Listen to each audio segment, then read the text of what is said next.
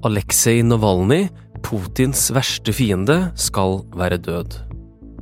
Fredag ble han brått syk, og etter forsøk på gjenoppliving døde han noen timer senere. Flere norske politikere kaller bortgangen for en trist dag for demokratiet, og en trist dag for alle som har hatt et håp om et bedre Russland.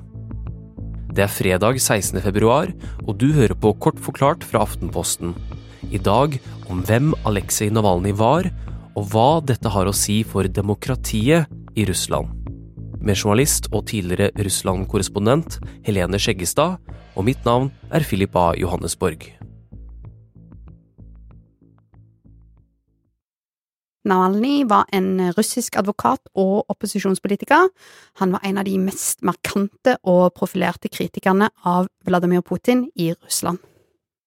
Helene, kan ikke du fortelle litt kort om livet til Navalnyj? Aleksej Navalnyj ble født 4. juni i 1976 i byen Abninsk, som ligger sørvest for eh, Moskva. Faren hans var ukrainsk, og derfor tilbrakte Navalnyj flere somre i Tsjernobyl, før da byen ble fullstendig ødelagt av atomulykken i 1986. I mange år så har Navalnyj vært en markant stemme mot Putin. Han har skapt mye bråk, eh, organisert demonstrasjoner og avslørt korrupsjon på det høyeste nivået i Russland. I august 2020 så ble Navalnyj forgiftet med nervegiften Novichok. Han fikk behandling i Tyskland, men valgte likevel å dra tilbake til Russland, og der ble han pågrepet. Siden 2021 har han altså sittet i russisk fengsel. Oh, det har vært så mange ganger de siste årene der jeg har sendt meldinger til russiske kolleger med spørsmålet er han død nå?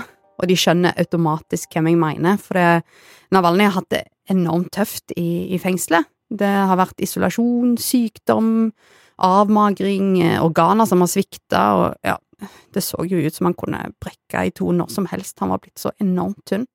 Vet vi noe om hvordan han døde?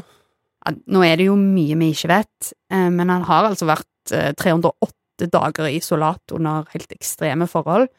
Eh, men så skal han ha vært relativt oppegående for bare noen dager siden. Da smilte han som vanlig da han møtte i retten, eh, og ja, det russiske uavhengige medier sier at han har gått en tur på fredag, og så har han da dødd etterpå. Eh, og så er det en del russiske kilder som sier det er blodpropp, men dette har vi ikke fått bekrefta, så fremdeles er det mye som er usikkert. Ja, Så er vi helt sikre på at han er død? Dette er jo en melding fra russiske myndigheter, og Navalnyjs talsperson har fremdeles fredag ettermiddag ikke sagt at de har fått bekrefta dødsfallet, men alt peker i retning av at den 47 år gamle Navalnyj nå er død. Hva sier støttespillerne til Navalnyj om dødsfallet nå, da? Det er jo et ganske venta dødsfall, fordi han hadde det så, så fælt. Men støttespillerne hans er egentlig nå mest opptatt av å understreke at dette har vært et langsomt mord. Han ville jo ikke ha mista livet hvis han ikke satt i fengsel, sier de.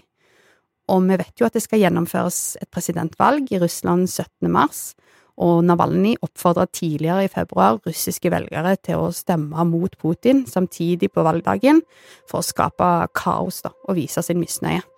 Så han skapte trøbbel helt til siste slutt.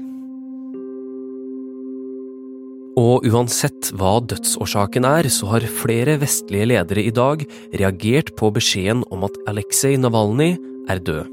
Den ukrainske presidenten Volodymyr Zelenskyj mener Navalnyj er blitt drept av Putin, mens Natos generalsekretær Jens Stoltenberg sier at nå må alle fakta på bordet. Russia has serious questions to answer. Hva betyr det for Russland at stemmen til Navalnyj nå stilner? Nå har jo Navalnyj sittet i fengsel de siste tre åra, og bevegelsen han skapte, den er det jo nesten ingenting igjen av. De har blitt trua til stillhet, eller de sitter fengsla. Så han er jo ikke så markant som det han var for noen år siden. Men så har han jo liksom alltid vært der, da, som en slags påminnelse om at det finnes motstemmer i Russland, og ja, han har jo vært et gnagsår for Putin. Og den lederskikkelsen er jo nå vekke. Blir han en slags martyr nå? Ja, martyr og martyr, han var jo omdiskutert innad i Russland, og langt ifra alle russere støtta han. Men en martyr er vel en som dør for det han tror på, og da han returnerte til Russland, selv om han ikke hadde trengt å gjøre det, og ja, vel vitende om at det trolig kom til å koste han livet, så gjorde han vel seg til en slags martyr, ja. Hvordan kommer folk til å reagere på dette dødsfallet? Nå er det lite synlig kritikk mot Putin-regimet innad i Russland. Det har blitt så enormt farlig å vise motstand, og det vil egentlig overraske om det kommer en sånn stor bølge av misnøye nå på grunn av dette dødsfallet. Men det at vi ikke ser motstanden, betyr ikke at den ikke er der. Og det var kanskje Navalnyjs siste budskap. At det finnes motstemmer i Russland. Og ikke glem de.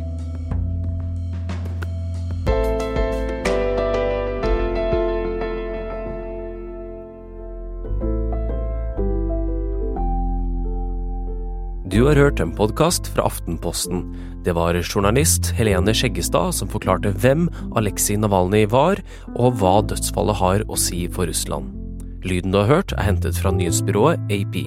Denne episoden er laget av Olav Eggesvik og meg, Philip A. Johannesborg.